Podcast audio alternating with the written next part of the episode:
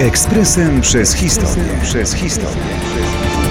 5 maja 1934 roku podpisano protokół przedłużający do 31 grudnia roku 1945 Polsko-Radziecki Pakt o nieagresji.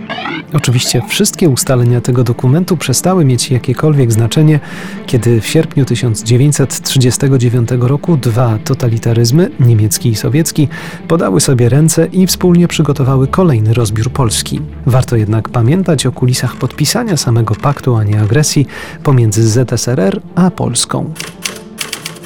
Zawarto go w Moskwie 25 lipca 1932 roku, a droga do jego podpisania była długa i kręta.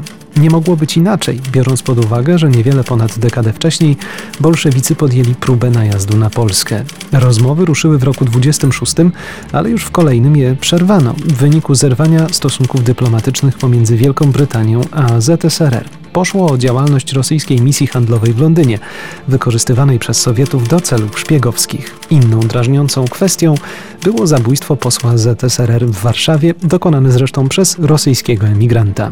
W 1931 roku uznano tzw. Tak protokół Litwinowa, czyli wielostronny akt o nieagresji pomiędzy ZSRR a innymi krajami, w tym Polską, za niewystarczający i wrócono do rozmów dwustronnych. Polsko-radziecki pakt o nieagresji z 1932 roku ze strony polskiej podpisał Stanisław Patek, ze strony radzieckiej Nikołaj Krestiński.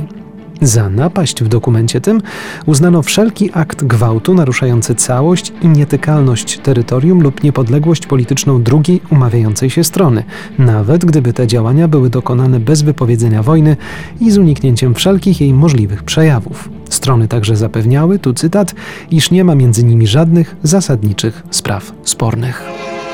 Ekspresem przez historię. Przez historię.